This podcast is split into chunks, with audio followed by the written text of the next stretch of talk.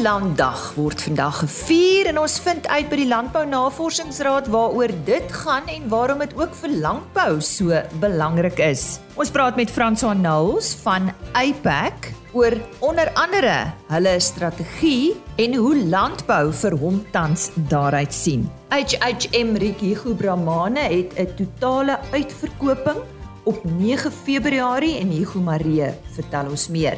En dan het ons gisteroggend van Konrad Skutte van Windprou gehoor en hy het gesels oor die verwagte 2022 wyndryf oes. Hy gesels vandag verder en gee raad aan produsente hoe om die beste uit jou oes te haal en wat kan jy doen in die na-oesperiode om jou wingerd vir die volgende seisoen voor te berei.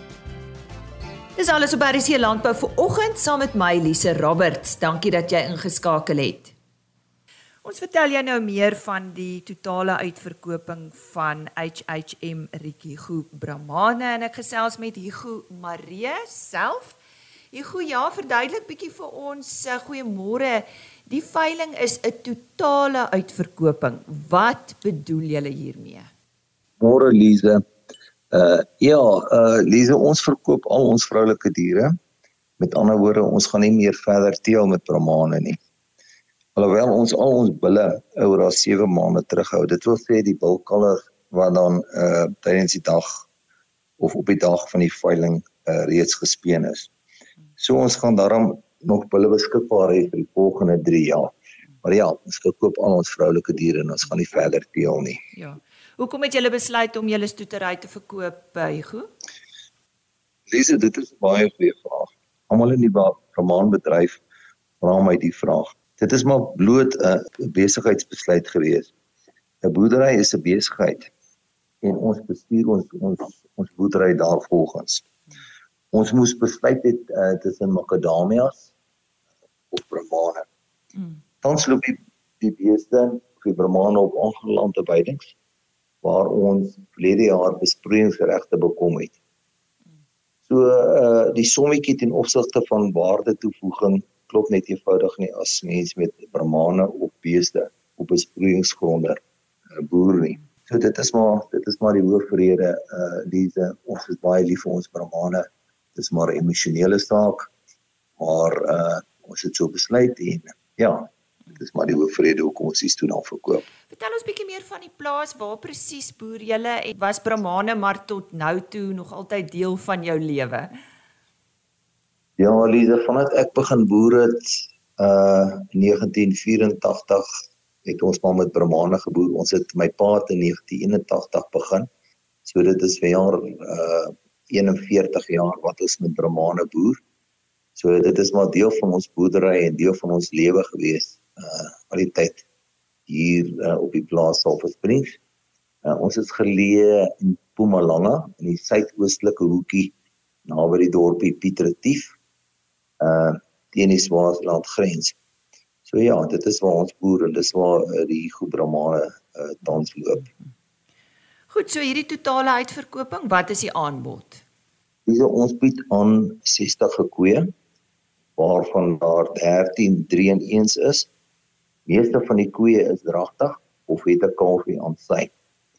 Daar sal ook 15 dragtige versies wees, 18 oop verse, uh ses potensiale jong uh, uh stoetbulle, een beproefde stoetbul, dan het ons 'n klompie embryo's uh, uit ons kampioen koei 161 uh, wat ons aanbied uh wat as paar uh op die embryo's is JDH of JDH 117/8 uh beter bekend as dien.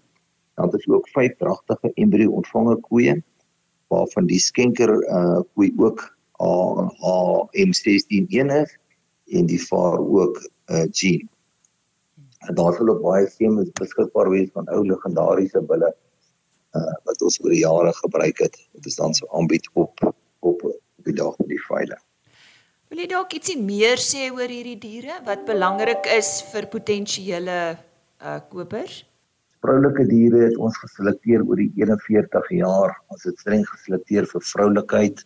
Uh vrugbaarheid is seker ons eerste uh en belangrikste kriteria gewees.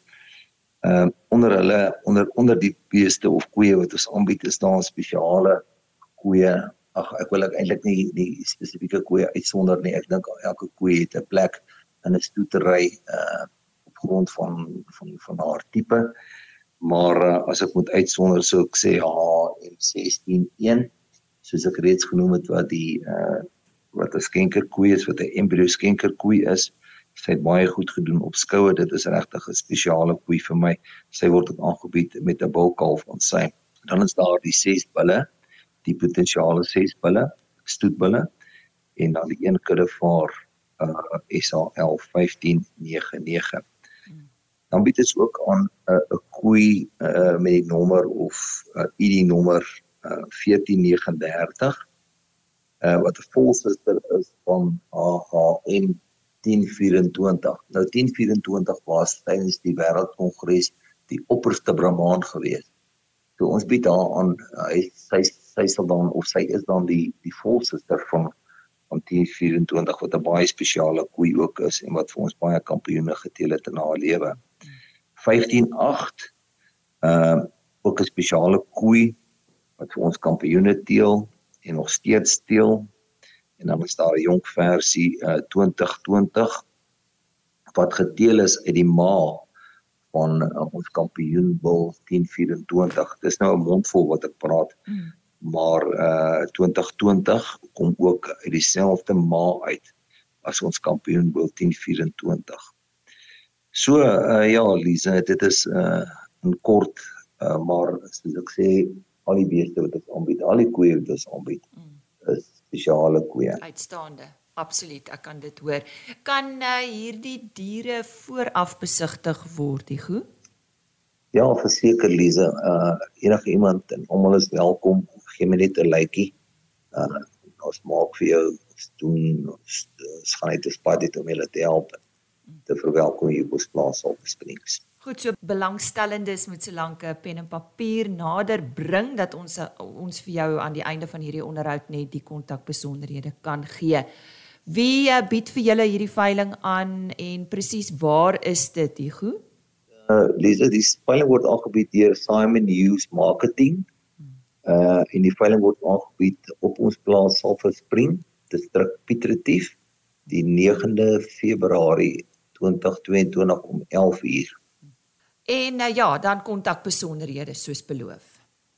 Uh, dis hulle kom ons kontak, hulle kan my uh, persoon uh, skakel hier goed skakel by nommer 083 70 15676 of Rian my seun 082 856 1254 of dan vir Simon Hughes by nommer 082 491 8286.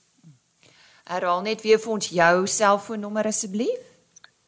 Uh, my nommer Lisa is 083 70 15676. En so sê Hugo Marie en hy het vandag gesels oor die totale uitverkoping van HHM Rikigo Brahmane en soos hy gesê het Dit is dan uh, op 9 Februarie om 11:00 daar by hulle plaas uh, in die Pietertief omgewing en net Hugo Marie se telefoonnommer vir 'n laaste keer 083 701 5676. Ons het gisteroggend van Konrad Skutte van Windprou gehoor. Hy is bestuurder van hulle konsultasiediens. Suid-Afrika se tweede skatting van die verwagte 22 wyndryfoes is so week of wat gelede bekend gemaak net so voor die begin van Parstyd. Die oes is bietjie later en met die verwagte koeler en natter weerstoestande gaan dit uitdagings aan produsente en kelderpersoneel stel. Maar waaraan moet hulle aandag gee om die beste uit die oes te haal en wat kan hulle in die na-oesperiode doen om die wingerd vir die volgende seisoen voor te berei. Kom ons luister. So ek dink in terme van uh, wat ons kan verwag in die seisoen is daar 'n paar wenke wat ons op produsente kan gee om dalk 'n uh, um, sin te maak van hierdie seisoen. So ons sien definitief dat die rypwording later gaan wees. So ons verwag dat ons later as normaal sal pars. Uh met deurslaan het ons gesien dat die normale volgorde van kultivars ook omgeswaai is. So ons verwag dan nou ook dat die normale rypwording van kultivars anders as gewoon mag wees. So in terme van monsterneming is dit nou belangrik om seker te maak om op die rypwordingskurwe te bly om te weet wat in die wingerde aangaan. So uiteraard van die saak mag dit dalk uh, vir u baie goeie inligting genereer om eerder trosmonsters as korrelmonsters te neem en uh baie van my kollegas hou ook daarvan om 'n uh, toetsvraag na kelder toe te stuur net om seker te maak dat ons by die regte analises uitkom voor ons die wingerd begin pars. Uiteraard van die saak is baie van die wingerde tans besig met deurslaan. Nou gedurende deurslaan word daar omtrent 70% van die kleur en die geur van die blare getranslokeer na die trosse toe. So ons wil geen stres op die wingerde hê by deurslaan nie, so dit sal 'n goeie uh, tendens wees of 'n goeie praktyk wees om die wingerde goed te besproei tydens deurslaan. Ehm um, natuurlik is dit altyd positief om baie tyd in die wingerd te spandeer om seker te maak dat u enige abnormaliteite kan eh, ehm uh, um, vroegtydig opspoor. En dan in 'n seisoen soos hierdie wat ons nat toestande verwag vir al in die begin van die seisoen, sou dit definitief positief gewees het om na 'n swamspuiter neer te sit ehm um, in die naasperiode om dan nou die inoculum vlakke te verlaag vir die volgende seisoen en dan nou ook die wingerde 'n goeie naasbesproeiing te gee om 'n genoegsame reservevlakte op te bou in die naasperiode sodat ons 'n goeie begin kan hê vir die 2023 oesseisoen. En so sê Konrad Skutte, hy is die bestuurder van Winpro se konsultasiediens. Dis natuurlik nodig om hierdie week met APAC te gesels. Nou, vir die wat nie weet nie, APAC staan vir die Raad vir Landbouprodukte Agente. Is ek reg, François Nouls? Hy is die registrateur. Goeiemôre François. Goeiemôre Lise, jy's doodreg. Ja. Um in die bedryf staan ons bekend as APAC. Goed. Behalwe vir julle regulatoriese werk, wat is op die 2022 horison vir APAC? Ja, dankie Lise. Uh, een van ons belangrikste doelwitte vir hierdie jaar, is nou 2022, is om die uh, wysiging van ons mandaat en dis nou die wet wat ons gebruik om agente mee te reguleer, 'n bietjie te wysig. Hierdie wet is laas in 2003 gewysig. Um en ek dink dit is regtig noodsaaklik dat ons relevant moet bly om agente te reguleer. Um ons het ook op 13 November 2020 het ons biosekuriteit reëls gepubliseer om dieregesondheid by veilinge aan te spreek. Dit was ehm um, regtig vir ons 'n besondere uh, oomblik. Dit was die eerste vir die lewende hawe bedryf en ons sal dit ook in hierdie jaar aanpas natuurlik om relevantie te verseker. Julle strategie vir die volgende 3 jaar is in November verlede jaar aangepas. Wat is die belangrikste aanpassing? As 'n reguleerder is natuurlik vir my altyd redelik wit en swart of as jy dan wil reg of verkeerd. Maar ten spyte hiervan um, kies ek om saam met die industrie uh, te kan werk. Ons kry net regtig soveel meer reg. IPAC het derhalwe ehm, 'n um, strategie ontwikkel wat ons sal toelaat om baie regtig baie nouer saam met die industrie agente, hulle verteenwoordigers, ek dink landbou rol, rolspelers en die industrievennote te kan werk. COVID het ons 'n bietjie geknyp in die laaste 2 jaar, maar ons kan nou weer baie aandag hieraan gee. Nou ek sien julle het begin werk met ons boere se vrouens. Dit klink nou vir my na 'n interessante onderwerp om oor te gesels. Vertel ons bietjie meer hiervan. Ja. Ja, Lise, ehm um, ons het die laaste tyd nogal redelik agtergekom dat die boer se vrou baie nou betrokke is met 'n boerdery en veral die administrasie. Soos ons nou maar weet, 'n boer wil boer en die administrasie wat natuurlik krities belangrik is vir vir vir sy voortbestaan kry nie altyd die nodige aandag nie. Dit is gewoonlik maar oorgelaat aan sy vrou of die dames wat vir 'n boerdery werk. So in hierdie jaar gaan ons nou baie meer aandag aan hulle gee en ons gaan met hulle werk om hulle van al die vereistes en die slaggate wat hulle voor moet uitkyk bewus te maak. Sodat hulle beter verstaan, is ek reg? Ja, sodat hulle beter verstaan en dat hulle 'n paar boere bietjie kan beïnvloed as daar 'n probleem is. Ja. As 'n boer nou met 'n agent besigheid doen, waarop moet hy of sy dan fokus? Dis 'n IPAC onders, uh, onderskryf een baie belangrike beginsel en dit is etiese besigheid. Die boere in Suid-Afrika verdien eerlikheid, intydse inligting en natuurlik die beste moontlike diens van 'n agent. Um kom ek noem dit sommer service of excellence. As dit nie gebeur nie met 'n boer sy situasie met 'n spesifieke agent heroorweeg en natuurlik aandring op net die beste. En as 'n boer nou onraad met sy agent vermoed, wat kan hy doen? Agente um, funksioneer gewoonlik maar by ons plaaslike varsprodukte marke. Ehm um, dis reg oor die land. So klagtes wat nie deur 'n agent of 'n agentskap self opgelos kan word nie, word gewoonlik na die markowerhede verwys. Ehm um, indien dit regtig ernstig is, kan hulle dit na IPAC toe verwys. Ons sal alles in ons vermoë doen om regtig vir die boer 'n oplossing te probeer uh, fasiliteer. Ons sal uh, na afloop van hierdie onderhoud net uh, IPAC se kontakbesonderhede gee indien uh, van ons luisteraars graag met hulle in verbinding wil tree. So hou 'n pen en papier byderhand. Om jy af te sluit, François, wat is jou gevoel oor die toekoms van landbou in Suid-Afrika? Lise, jy ken my as 'n positiewe mens. Ek kyk maar altyd met 'n positiewe gesindheid na ons die, na die toekoms. Ons toekoms vir ons mooi landbou is regtig blink. Dit gaan nie en was nog nooit maklik nie, maar in die landbou en veral ons boere kry maar altyd 'n manier om probleme te oorkom. En hierin floreer hulle gewoonlik. So ek eer die boere wat so hard werk um, en hulle veroorsaak dat ons regtig van Apex se kant af net harder wil werk om seker te maak dat ons hulle beskerm en vir hulle 'n plek in die son kan verseker in Suid-Afrika. Dis goed om op 'n positiewe noot te eindig vir oggend met ons gesprek wat ons gehad het met François Nouls. Hy is registrateur van APAC. Nou net indien jy wil weet presies waarvoor staan APAC, dit is die Agricultural Produce Agents Council. François, daai kontakbesonderhede. Wat is die beste? Wil jy 'n webtuiste en 'n telefoonnommer gee? Ek eh, ek sal graag die webtuiste wil gee. Ons telefoonnommers en kontakbesonderhede is daarop. Goed. Enige iemand wat 'n probleem het of enigiets wat hulle nodig het, kan hulle ons kontak op ipack.web.org.za.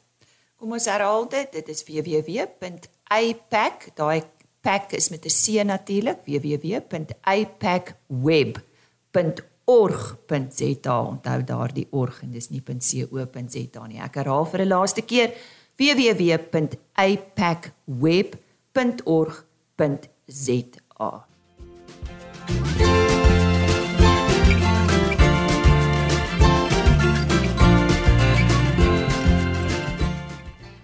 Wêreldvlei Land word as 'n internasionale geleentheid op 2 Februarie gevier. Dit is vandag. En dit herdenk die ondertekening van die konvensie van vlei lande, ook bekend as die Ramsar konvensie. Dit is dan op 2 Februarie 1971 in die stad Ramsar onderteken. Ek gesels met Dr Elsia Groenling en sy is van die Landbou Navorsingsraad. Elsia, eerstens moet ons seker vra, hoekom is vleiland aksies vir mense en die natuur belangrik en ook vir landbou en ons boere? Baie dankie Lize vir die geleentheid. So soos wat jy genoem het, dit is die tema hierdie jaar. Vleiland aksie vir mense en die natuur. So Dit is 'n vreeslike wye onderwerp. So miskien moet ons net kyk wat is die konteks daarvan in die moderne landbou opset. En dan kan ons miskien uit daai konteks na daarna kyk uit vers, verskillende hoeke. So eerstens, vlei lande is areas waar dit nat is. Mm -hmm. En daar's plante wat aangepas is om in daai omgewings te kan groei. En daar's hierdie tipiese moerasgrond of veengrond. En van hierdie vlei lande kan kunsmatig wees of dit kan natuurlik wees en hulle kan permanent nat wees of ehm um, tydelik. So in 'n boerderypraktyk kan hierdie areas baie keer 'n hindernis wees vir boere. Ek kan nogal dink so, veral nou, nou met die baie so, water. In in die verlede veral het hulle van hierdie vleie droog gelê. Hulle het dit dreinering toegepas en hulle het ehm um, uitheemse bome daarin geplant sodat hulle die water kon verminder. In sekere areas het hulle hierdie visgraat dreineringspatrone gedoen sodat hulle die water kon verminder en hulle het suikerriet geplant of aangeplante weiding gedoen. En aan die ander kant het ons ook boere sê nou maar in die wildbedryf waar die vlei lande vir hulle 'n uh, eh, biodiversiteit gee op hulle plaas. Dit gee ook water en weiding vir die diere. En dan kan ek ook 'n voorbeeld noem van waar dit baie effektief gebruik word veral in die droër areas soos met die saaidamme. En dis ook 'n bewusmakingsaksie om te sien dat die vleie die die die verskeidenheid van vleie is so divers, maar ook die benutting van die vleie in die boerdery omgewing is net so divers, maar ook die oorbenutting daarvan. Hmm. So ons kry ook dat in baie gevalle die agteruitgang van die vleie. En dit was dit kan wees as gevolg van erosie, hmm ehm um, die uitbranding van veenlande of die indringer van hierdie ehm um, uitheemse plante wat in die vleie voorkom. Hmm. Verduidelik die volhoubare benutting van vleie. So as ons na volhoubare benutting kyk, moet ons miskien onsself ook afvra, moet daar 'n konflik wees tussen benutting van 'n hulpbron en die bewaring daarvan? So as daar vleie op uh, plaas voorkom, kan mens saam met daai vlei ehm um, werk en dit benut. So ek gaan net 'n paar voorbeelde noem. Byvoorbeeld in Lakenvlei het hulle in die verlede die vleie gedreineer en toe is daai vleie gerehabiliteer. Met ander woorde die dreinering is gestop en geblok. En wat toe gebeur het is die habitat het verander. So dit het toe ideale habitat geword vir die vleikuiken om daar voor te kom. So ewe skielik het daai situasie verander na 'n nismark en voelkykers het toe begin kom om na hierdie vleikykens te kom kyk. En terselfdertyd die rol wat die vleie toe speel is om die water skoon te maak vir die foreldamme. Mm -hmm. En omdat die vleie ook die water stadig in die winter deurlaat, het dit ook die vloei van die damme om hulle vol te hou ook geondersteun. En in die wintermaande was daar veiding vir die beeste geweest. En dan in 'n ander voorbeeld, ehm um, as ons kyk na die suikerriet, baie keer is dit tot op die kant van die oeverwalle geplant. En wat gebeur het is dan het ons erosie gekry en die oeverwalle is nie gestabiliseer nie. So as jy nou 'n buffersone laat of hmm. skep, hmm. wat gebeur is die rivieroeverbos kom weer terug en dit stabiliseer daai oeverwand hmm. en dit voorkom ook dat die stroom af water dat dit nie vuil is nie dit hmm. help om daai water skoon te hou. Hmm. So daar is voorbeelde waar ehm um, bewaringspraktyke op 'n plaas kan tot voordeel wees van die vlei maar ook vir die boer. Want as daar 'n gesonde vlei is, is dit eintlik vir hom 'n waterbate waar hy na kan kyk. Nou gesels 'n bietjie verder met ons daaroor wat se aksies kan boere doen? So in terme van aksies, ehm um, mens moet bewus wees van ons nasionale wetgewing in terme van vlei landbewaring. So wat jy doen, moet jy ingelig doen in terme van binne of buite 'n vlei land, watse aksies kan gebeur. So jy moet dit in terme van die raamwerk van die nasionale wetgewing doen. En daai wetgewing is soos die wet van ehm um, bewaring op landbouhulpbronne, die nasionale waterwet en ons het ook die nasionale omgewingsbestuurswet. Geef ons 'n voorbeeld van die vlei land aksies waarby julle nou betrokke is. Goed, ons het ehm um, die verslag van die nasionale biodiversiteitsverslag van 2018 het gekyk na ons ekosisteme die status daarvan in die land en hulle het ook vlei lande ingesluit. En uit daai verslag het gekom daar is 'n groot gaping in terme van kennis en data hoe om hierdie ekosisteme te bestuur. So ons het tans 'n waternavorsingsbefondste projek en een van ons studieareas is die onrusveenland in die hemel en aarde vallei. Pragtig, ja. So hierso het ons 'n geleentheid om saam met die grondeienaars te werk. Nou die grondeienaars bewaar die grond. En uh, ons moet almal verantwoordbaar wees. So die geleentheid is toe geskep om hande te vat en saam te werk. So die LNR se rol is basies om die wetenskaplike insette te gee om na die data analises te kyk, maar terselfdertyd die ehm um, ehm um, munisipaliteit van Oeversand. Hulle gee arbeid en hulle gee die logistieke ondersteuning en dan die grondeienaars in die omgewing gee vir ons ehm um, hulpbronne. Byvoorbeeld die boere het bygedra tot pipe in hierdie geval. So mm. ons het die pipe gebruik om 'n watermoniteringsnetwerk ehm um, in te uh, rig laasweek. So ons het transekte deur die vlei gesit sodat die um ons water kan monitor watervlakke. So ons het ook gesien dat die nie regeringsorganisasies in daai omgewing het bygedra vrywillig. Wonderlik. Hulle het kom help met veldwerk ja. en hulle sal ook help met die monitering. Ja. So op die ou einde van die dag gaan almal daarby baat. Mm. Ons gaan weet watse data het ons en dit gaan ook help om om die die die uh, hulpbron beter te bestuur. Daar's hy. So wat ons nou geleer het, die lesse van onrus is in 2019 het daai veen veenland gebrand, uit ondergronds gebrand vir maande. So as jy kyk na alles wat opgebou het in daai vallei, so landboupraktyke het verbeter, daar was meer besproeiing, daar was 'n dam gebou. Wat ons ook gesien het is die indringerplante het vermeerder. So in grond wat nie benut word nie of nie onderhou word nie en selfs in die vlei land. So die veenland het water nodig om te funksioneer. Maar daar's ook indringerplante en dis 'n palmietstelsel so ons sien daar's erosie.